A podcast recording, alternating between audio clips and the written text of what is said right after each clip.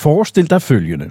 Du er chef for et marketingteam på otte personer i en mellemstor dansk virksomhed. En morgen, der møder du ind, og så opdager du, at en af dine ansatte, en yngre kvinde, har placeret et palæstinensisk flag i en vase på sit skrivebord.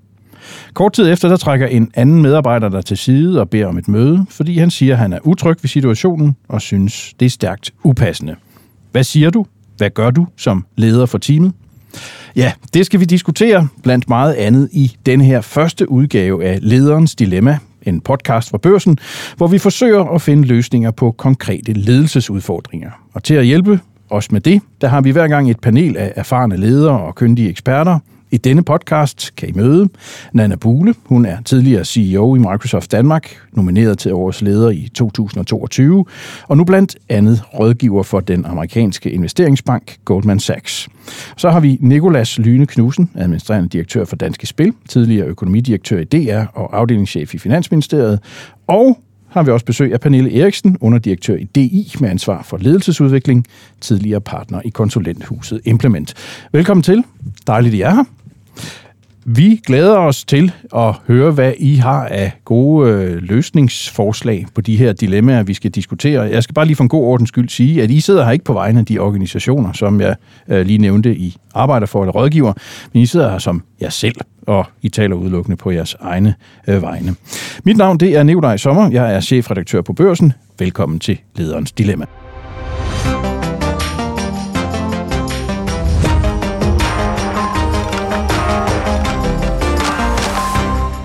Ja, kære Nana, Nicolas og Pernille. Første dilemma, det handler altså om, hvordan man som leder håndterer, at der er en i ens team, som helt eksplicit tilkendegiver sympati for, en, øh, for den palæstinensiske sag på jobbet. Og det får så andre øh, i teamet til at stejle. Øh, det er et øh, faktisk dilemma, som stammer fra en større dansk rådgivningsvirksomhed. Nicolas, øh, hvis der kommer en og trækker øh, dig til side og, og, og bare se det flag dernede, det synes jeg ikke om, hvad, hvad vil du så gøre? Ja, så er vi da ellers i gang, var. Ja. altså med... Øh, altså grundlæggende så tror jeg jo, at jeg vil sige, at sådan et problem der, det vil jeg ønske, at man kunne løse på så lavt niveau som muligt i organisationen. Lad være med at prøve at gøre det til en stor principiel sag om en super svær og kompliceret konflikt.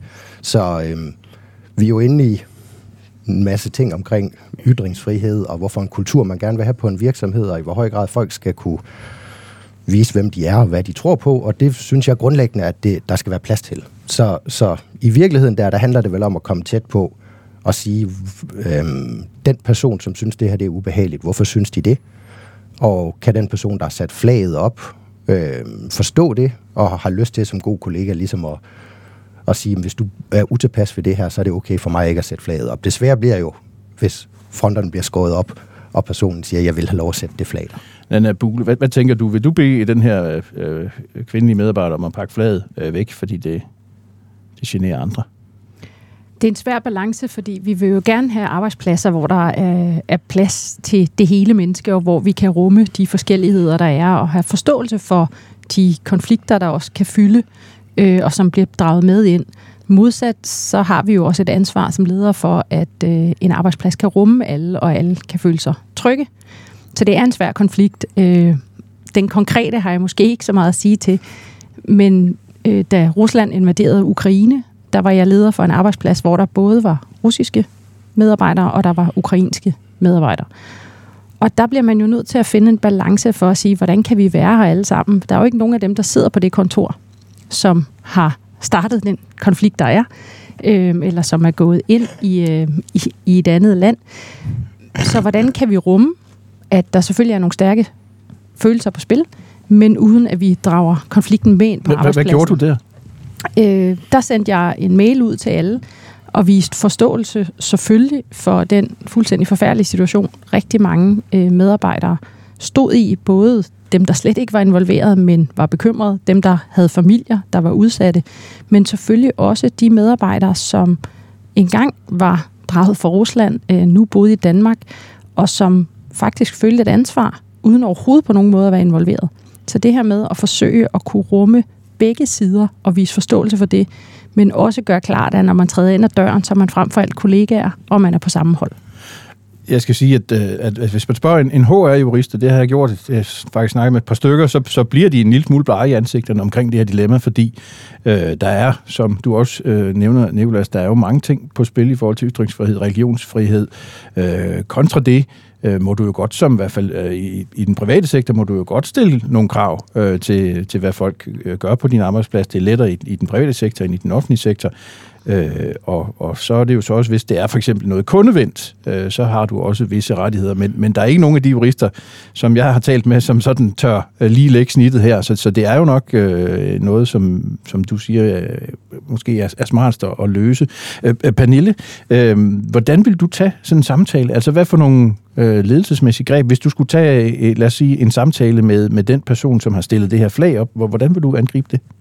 Jamen altså, jeg, jeg synes, altså for det første synes jeg, at den her konflikt, der er så mange følelser på spil, så det vil jeg være bevidst om, at der er masser, som ikke er rationelt, så jeg, jeg kan ikke tage en samtale øh, ud fra nogle rationelle præmisser. Jeg bliver nødt til også at, at kunne håndtere de følelsesmæssige øh, ting, der er i det her, og der gør, at den pågældende medarbejder har sat det her flag op, og også at den anden er kommet og sagt, at det her flag, det er too much øh, for mig. Så øh, det, jeg vil gøre øh, som leder i, i den her konkrete situation, det, det er jeg netop, som du også siger, Nicolas, jeg vil tage fat i, øh, i virkeligheden begge medarbejdere og høre lidt mere ind til, altså hvad er det, der gør, at den ene har brug for at stille det op øh, på den her måde, og, og om hun har overvejet, hvordan det kan påvirke andre. Øh, og jeg vil også tage fat i den anden og sige, øh, hvordan og hvorledes med, med det her, hvad er det, der gør, at du har det her problem. Og hvis de begge to stod meget stejlt, øh, så vil jeg simpelthen øh, tage dem sammen i, i, i lokale og, og lige finde ud af en løsning med de to, øh, som øh, har problemet, og ikke gøre det til noget større. Jeg vil ikke sådan eskalere det øh, til et eller andet, nu skal vi alle sammen øh, tale om det her og indkalde til stor øh, teammøde eller noget. Jeg vil prøve at holde det øh, nede blandt de her to. Øh, og øhm, altså man kunne også, og, øh, hvis det var, at man gerne ville gøre det til noget, hvor nu skal vi vise, at vi er inkluderende, for jeg vil, jeg vil virkelig være bange for, hvis jeg sagde til den pågældende, at du må ikke stille det her flag op. Fordi det vil også have nogle konsekvenser, som er så store i forhold til en inkluderende kultur, som du også siger, Nana, mm. at, øh, at, at det vil jeg simpelthen være, være bange for at risikere, at jeg så bliver en leder, der, der er ikke inkluderende. Hvad, hvad tænker I andre? Vi I turde sætte dem i samme rum? De her to? Altså, fordi øh, risikerer man ikke nærmest at øh, importere øh, konflikten i Mellemøsten, så at skulle sidde og løse den øh, i, mm-hmm. i et møde mellem, øh, mellem 11 og, og kvart over 11, han har sagt? Ja, nu, nu, virkeligheden er jo konkret, så det, det er svært at vurdere uden at have alle detaljerne, men, men som udgangspunkt, ja, helt sikkert. Altså, de arbejder i samme team, de mhm. omgås hinanden alligevel. Og, øh, og jeg synes næsten altid, den bedste vej som leder, det er at prøve at få tingene ned på jorden og få det ind på et menneskeligt niveau og få folk til at tale sammen. Så øh, jeg vil faktisk synes, det var forkert ikke at prøve at sætte dem i samme rum. Øhm, og så er jeg jo helt enig. Altså, jeg, jeg synes virkelig, at målet her, det vil være ikke at ende med et forbud, hverken i den ene eller den anden retning. Fordi det tror jeg, vi alle sammen har prøvet, det er jo en glidebane.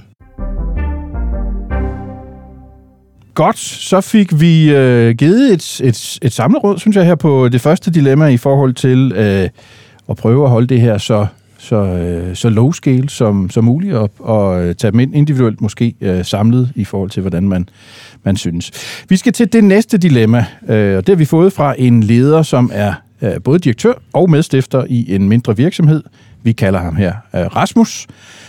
Virksomheden øh, den arbejder med digitale løsninger til optimering af blandt andet salgsprocesser. Der er 10 ansatte, som øh, spænder over konsulenter og specialister og sælgere. Og Rasmus han spørger så til håndtering af Øh, det pres for mere i løn, som han oplever fra sine medarbejdere. Og han skriver, jeg oplever, at der konstant er en forventning om mere i lønposen. Udfordringen er, at vi arbejder med faste abonnementsaftaler som forretningsmodel, og hvis kunderne de presser timeprisen i den ene ende, og medarbejderne presser løn i den anden, ja, så rammes virksomheden på overskudsgraden. Jeg vil som chef ofte gerne imødekomme lønforventningerne og forsøger at gøre det ved at løfte mere ansvar ind i de jobfunktioner, som medarbejderne har, i takt med stigningerne i lønnen. Det kan fx være, at en medarbejder påtager sig ansvaret for udviklingen af en bestemt teknologi eller en serviceydelse, og så kan jeg give mere i løn. Vi arbejder med 100% løntransparens hvor jeg plejer at sige, at hvis jeg ikke som chef kan forklare, hvorfor den ene medarbejder får X i løn, og den anden medarbejder får Y i løn for det samme stykke arbejde, ja, så handler det nok om, at jeg ikke selv har defineret vores lønmodel tilstrækkeligt, eller at den ene medarbejder simpelthen får for meget eller for lidt. Men hvad er egentlig den mest brugbare og hensigtsmæssige måde at arbejde med at give mere i løn?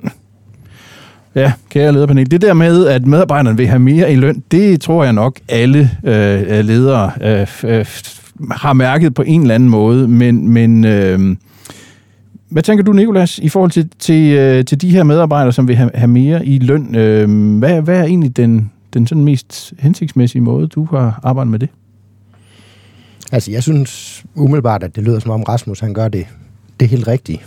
Altså, løn og lønforventninger, det er jo på en eller anden måde ind i kernen af ledelse i virkeligheden. Altså, fordi alle møder det, og øh, det er bare svært, og den måde, man bedst kommer igennem det på, det er ligesom Rasmus her har gjort, vil jeg sige, det er, gør op med sig selv, hvad man synes argumenterne er.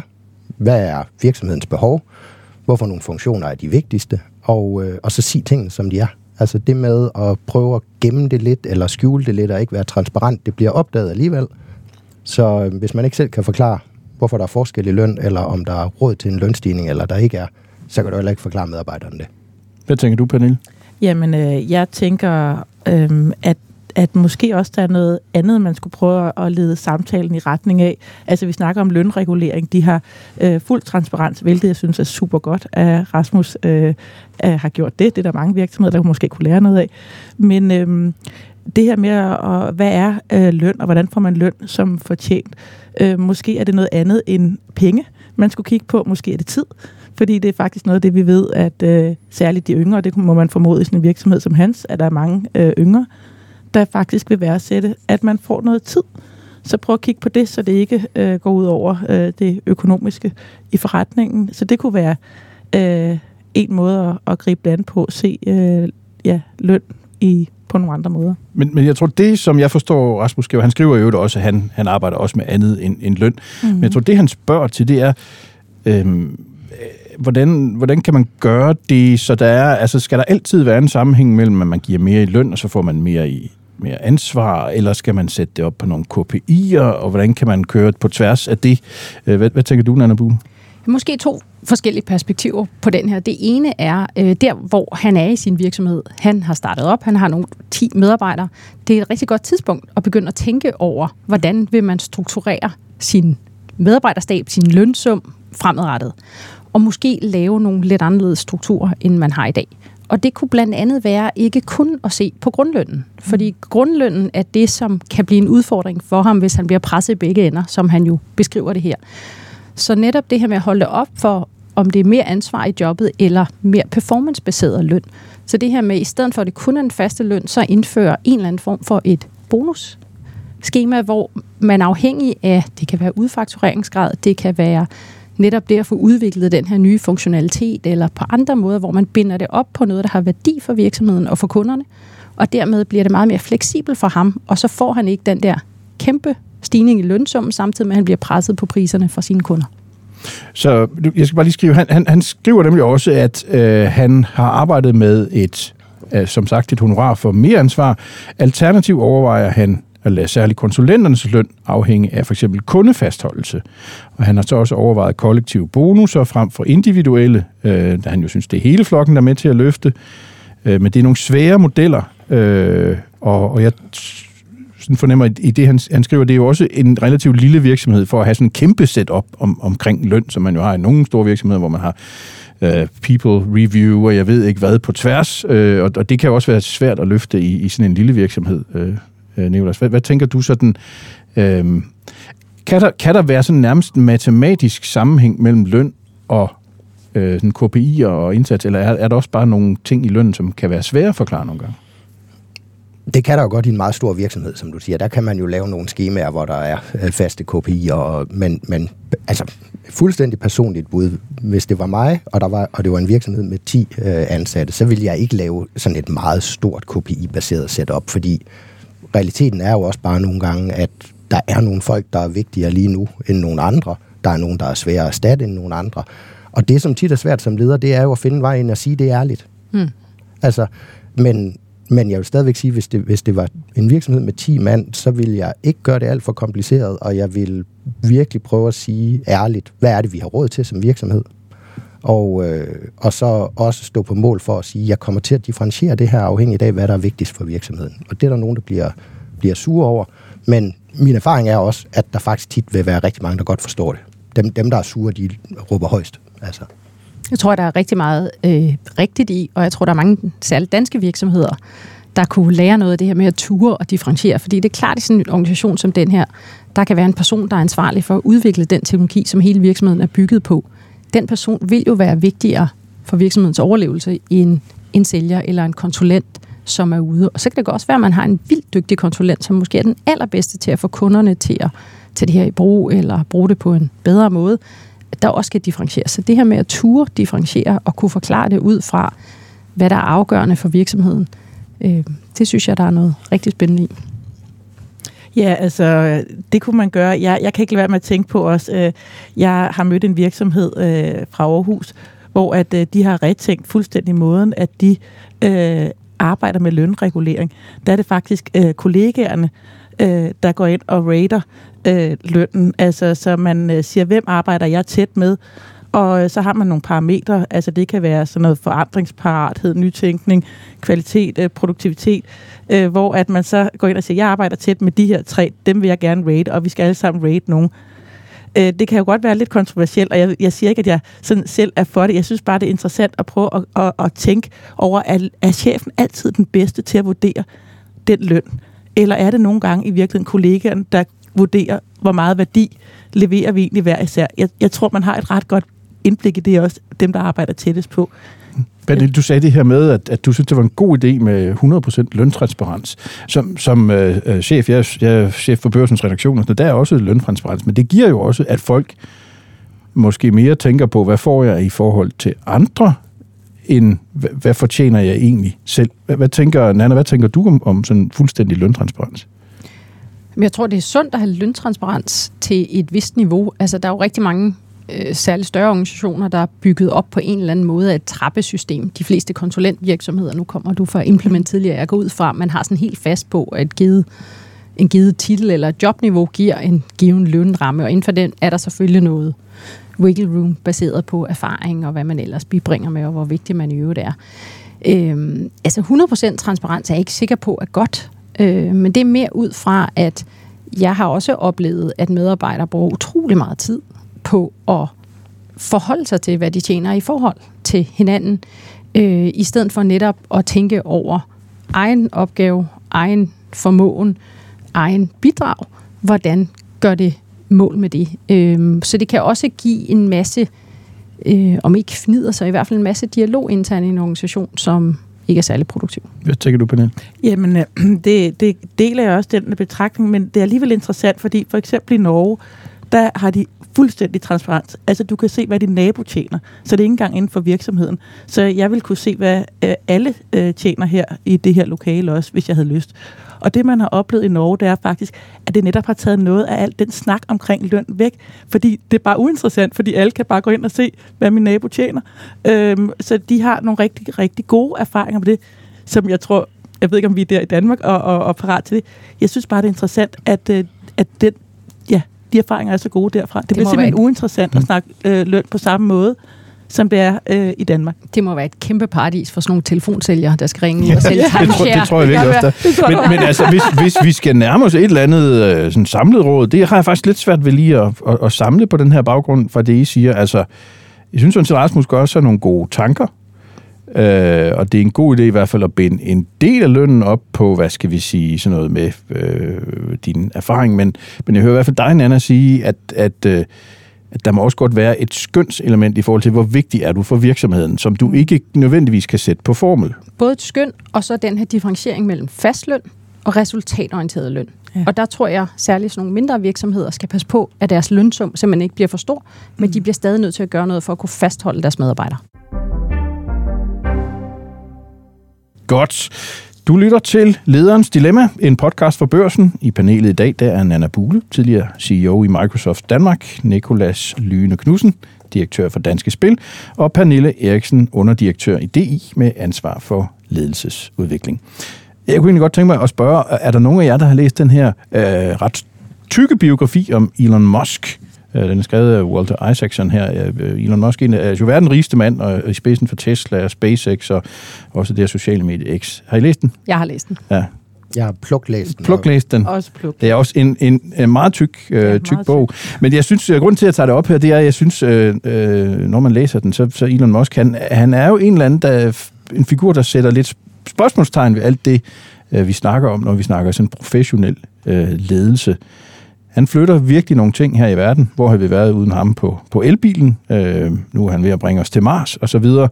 Men omvendt, når man læser bogen, så er man jo ikke så meget i tvivl om, at han ikke sådan er, er en god leder i klassisk forstand. Han fyrer medarbejdere til højre og venstre og forlanger, at de arbejder i døgndrift, øh, også i juleaften. Han er kolerisk, uden empati. Øh, senest har vi fundet ud af, at han, han, øh, han også angiveligt øh, tager stoffer og tvinger sin ledelse til at være på stoffer. Det er da et nyt niveau øh, inden for ledelse, må man sige. Øh, og mange øh, tidligere ansatte kalder ham et regulært røvhul. Øh, og, men omvendt, så kan man jo sige, kommer vi nogen steder i den her verden, hvis vi ikke har sådan nogle typer som ham? Altså, hvad, hvad skal vi tænke om ham øh, som, øh, som leder, Anna? Åh, oh, den er, øh, den er svær. Jeg vil sige, jeg læste jo bogen, fordi jeg netop øh, altså, tænker, alt det, han står for, er så forskelligt fra det, som øh, jeg selv synes er god ledelse, og det, som jeg tror på, kan bringe os videre i verden, også på de store innovationer. Øh, så sådan lidt en treat af at sige, hvad er det egentlig, han er? Og den, altså man skal jo passe på med ikke at dømme et menneske baseret på en bog, fordi den er selvfølgelig skåret super skarpt. Øh, men der er ikke nogen tvivl om, at det her med at være genialt tenderende til gal, det kan noget i forhold til at flytte nogle rammer, i forhold til virkelig at gentænke, hvordan ting sker. Så det tror jeg, verden har brug for. Jeg er bare den overvisning, at den type mennesker skal ikke have ansvaret for andre mennesker. Altså han, jeg synes, når man læser igennem, og øh, generelt hvad man hører, øh, det, jeg tror simpelthen ikke, det er sundt for andre mennesker at være i nærheden af ham. Øhm. Men der, han tiltrækker jo nogle meget, meget ambitiøse mennesker, som bare tænker, ham der, han kan virkelig flytte noget. Ham vil jeg gerne arbejde for. Noget. Og han ja. tiltrækker mennesker, og det tror jeg også, han kunne tiltrække sådan en som mig, som ville tænke, hold kæft, man gad godt at være en del af den her mission, om det er rummission eller noget andet. Så selvfølgelig vil han gøre det. Men det, der også kan være udfordringen, øh, og han er selvfølgelig lykkes med det, men han har også haft, der har været nogle dyre lærepenge undervejs. Det kan man jo også se. Altså både for Tesla og for hans rumeventyr og for Twitter. Så det, der er faren ved at være så egenrådig, som han er, og så, så stort et røvhul, det er jo også, at man misser at få input fra sin organisation. Så med mindre, at man er helt overbevist om, at man er den klogeste i hele verden, så er det en dårlig strategi. Fordi jeg tror, at han måske kunne have undgået nogle af de store fejl, han har lavet, ved at have en ledelsestil, hvor folk kunne komme til ham og sige, Jamen, det ville jo være dejligt at lige kunne trække 10% fra ham i en eller anden retning. Men det kan man måske ikke. Nikolas, hvad, hvad tænker du sådan i forhold til, bliver vi nogle gange sådan lidt for pæne? Altså, er vi kommet lidt for langt væk fra den der, altså man kan kalde det 100% faglige ledelse, hvor at han er jo exceptionelt godt nede i alle detaljer. Og det er det, man vil kalde altså sådan faglig ledelse, tror jeg, er sådan meget tungt. Altså, han, han er jo fuldstændig second to none i forhold til at have en vision og eksekvere på den. Det, det må man bare sige. Og øh, han kunne ikke, øh, det kan godt være, han kunne tiltrække dig, Nana, han kunne ikke tiltrække mig, fordi jeg ville ikke have lyst til at arbejde for en, som, som, hvor, hvor jeg blev følte, at jeg blev behandlet virkelig dårligt, blev behandlet som et røvhul. Men jeg synes godt, han må være der. Altså, og jeg tror i virkeligheden, de er selvfølgelig meget forskellige, men altså Steve Jobs havde meget af det samme. Jeg tror, en ung Bill Gates havde meget af det samme. Jeg tror, Mark Zuckerberg havde meget af det samme. Men det er jo alle sammen dem, der har flyttet verden så. De flytter i hvert fald, jeg tror, de flytter verden hurtigere, men de efterlader også øh, lige bag sig. Øh, og det, det, det er jo i sidste ende op til den personlige moral, og om man synes, det er i orden. Jeg synes ikke, det er i orden. Det er ikke mine ledelsesidealer. Jeg vil ikke have lyst til at arbejde for dem. Men, men dem, der gerne vil arbejde for dem, de skal jo have lov, synes jeg. Hvad tænker du, Pernille, i forhold til sådan, uh, de ledelsesidealer, som... Jamen, som, altså jeg tænker, at... Øh, jeg kan godt forstå, hvorfor nogen har lyst til at arbejde for ham, fordi hvis vi gerne vil læring og udvikling, så kan man få det maks skrue, når man er, øh, tænker jeg, hvis man bare er et år øh, der, fordi det går så hurtigt, og du skal bare øh, være med på den øh, bølge. Så det der med at blive motiveret af læring og udvikling, det, det gør, at man også kunne søge sådan et sted hen. Man skal bare vide, at man, man bliver brugt. Altså, øh, han bruger en, og han smider en væk, når han ikke har brug for en mere. Men vil han, vil han overhovedet være acceptabel i en dansk kontekst? Altså, vil vi kunne acceptere det der, eller vil vi sige, det der, det bliver du nødt, det er simpelthen nærmest ulovligt, det du gør der, øh, det, det eksisterer måske kun i USA? Altså i en dansk kontekst, i en dansk kontekst vil det her øh, ikke kunne fungere. Øh, det er jeg helt øh, overbevist om. Øh, det, er, det kan fungere derovre, det kan ikke fungere så også, fordi vi har en anden øh, kultur for ledelse, og det der med at have sådan en rockstar-leder, øh, som han jo er, øh, det har vi haft, øh, det har været også ok, og, og noget, man har set op til i Danmark men, men vi går mere og mere væk fra det der rockstar-ledelse, hvor at det handler mere og mere om at træde i baggrund og sætte retning og få andre til at løfte. Øh, det er de ledere, vi respekterer i, i Danmark, og stort set også andre steder i verden. Så det her, det er en undtagelse. Forfatteren til biografien, altså Walter Isaacson, han er blevet spurgt om, øh, hvad man skal mene om Musk, og hans svar, det har været, prøv ikke at være som Musk. En biografi er ikke en lærebog. Dagens sidste dilemma, det handler om, hvor langt du vil gå for at fastholde en dygtig medarbejder. Og det, det, det, det er et dilemma, som øh, Center for Ledelse har fået ind øh, fra et af deres medlemmer, øh, som leder et mindre team. Og de skriver, en af øh, den her øh, leders dygtige medarbejdere er blevet ramt af sygdom i nærmeste familie, og efter aftale så er den pågående gået ned i arbejdstid og løn i en aftalt periode på 6 måneder. Lederen har så i et vist omfang fået løst arbejdsopgaver ved at trække på eksterne, men det er øh, alligevel en situation, som har belastet både lederen og teamet ret mærkbart. Det halvår det vil at være gået, og det står nu mere og mere klart, at udsigterne til, at medarbejderen kan vende tilbage på fuld tid, de er øh, meget lange. Som sådan, øh, så har lederen øh, jo ret til at kræve, at medarbejderen igen arbejder fuldtid, men det vil efter alt sandsynlighed tvinge øh, den pågældende medarbejder til at sige op med store konsekvenser mentalt og økonomisk for den øh, pågældende medarbejder. Ja, hvad gør man? Øh, det er jo øh, ikke nogen rar situation at stå i, øh, når ens medarbejder er, er, er, er syg. Øh, Pernille Eriksen, hvad, hvad tænker du? Øh, vil du gå ind og kræve på et tidspunkt, at nu skal du arbejde fuld tid, eller hvordan kan man håndtere sådan en situation? Altså netop fordi vi hører, at det er en medarbejder, der er vigtig øh, for, for virksomheden, så øh, vil jeg gå rigtig, rigtig langt øh, for øh, at se, hvordan kan vi strikke et job sammen, som øh, kan fungere for, for pågældende personer også. Og, øh, og der synes jeg, øh, nu kommer jeg jo fra Dansk Industri, og, og vi vil jo altid sige, at øh, det her med fuld tid, det skal vi gøre mere af, og vi gør alt for lidt af det. Og, og det synes jeg jo grundlæggende også.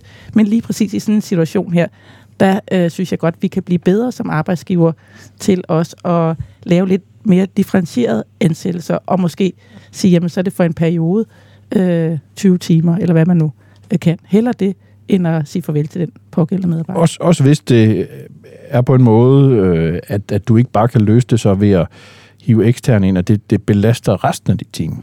Ja, det, øh, for, det vil jeg faktisk øh, se, hvordan også med resten af teamet finde ud af, hvad kan vi gøre her? Fordi der er også noget i det for resten af teamet, det der med at vide, vi, vi kan også rumme vores kollegaer her, der har en, en vigtig funktion. Det giver også noget til de andre.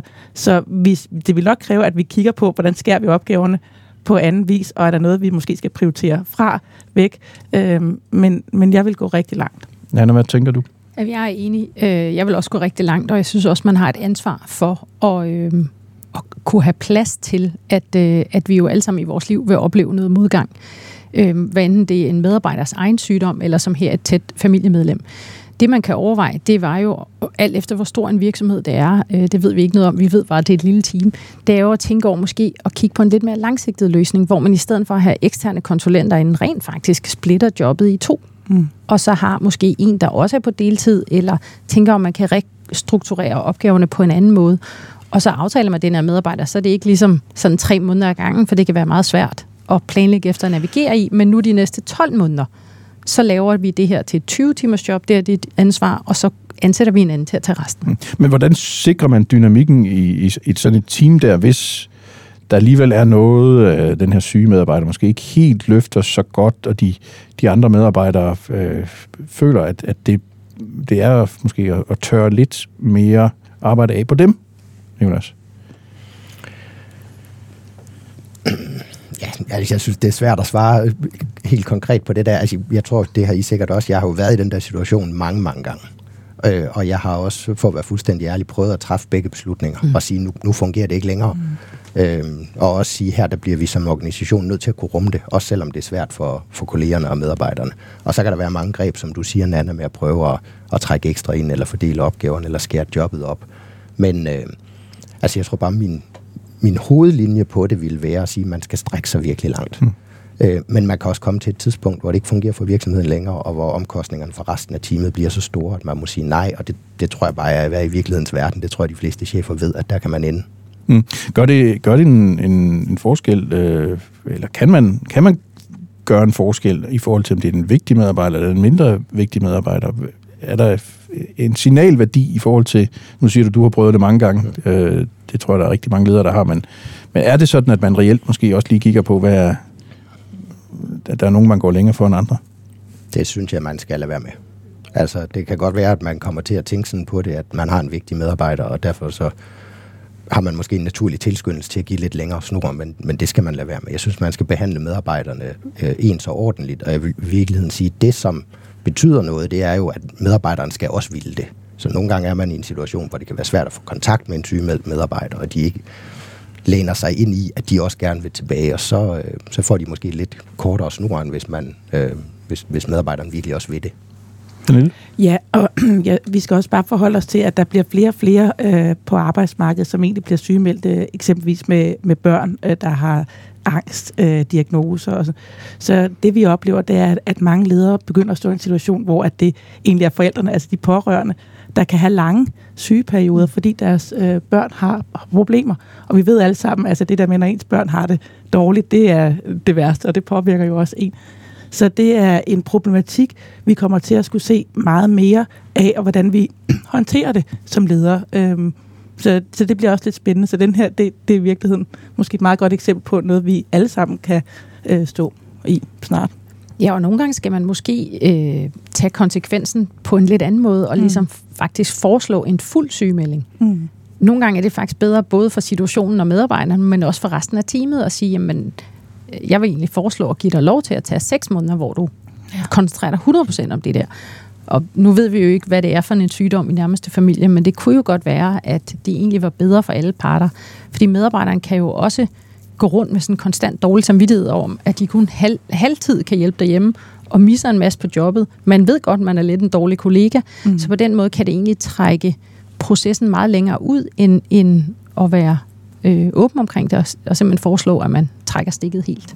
Men jeg hører jer samlet sige, gå langt ja. for, øh, for medarbejderne øh, i, i den her situation, øh, men øh, der selvfølgelig også kan være, være grænser. Og det kommer selvfølgelig an på, kan man sige igen, om virksomheden har råd til det. Altså det er, jo, det er jo et meget svært valg, hvis du har en meget lille virksomhed, hvor det her det måske handler om overlevelse, hvis du ikke får nogen ny ind på posten, men i en virksomhed, hvor, hvor jeg kommer fra, hvor der er råd til den slags, øh, der, der synes jeg, man skal gå rigtig langt.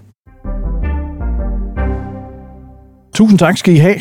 Husk, at vi meget gerne vil høre om dit konkrete ledelsesdilemma. Skriv til os på dilemma altså B-O-R-S-E-N, og dem, der ikke lige kan huske om dilemma, det er med et eller to, eller så er det med et L og to M'er. Vi behandler alle henvendelserne øh, fortroligt, og aftaler selvfølgelig, hvordan øh, de præcis kan omtales i podcasten her, inden vi bruger dem. Jeg vil gerne sige tak til dagens panel. Nana Bule, blandt andet rådgiver for den amerikanske investeringsbank Goldman Sachs, Nikolas Lyne Knudsen, direktør i Danske Spil, og Pernille Eriksen, underdirektør i DI med ansvar for ledelsesudvikling. Mit navn det er Nikolaj Sommer, jeg er chefredaktør på Børsen. Jeg håber, I vil lytte med igen på Lederens Dilemma. Vi udkommer hver torsdag med en ny episode. Tak for denne gang.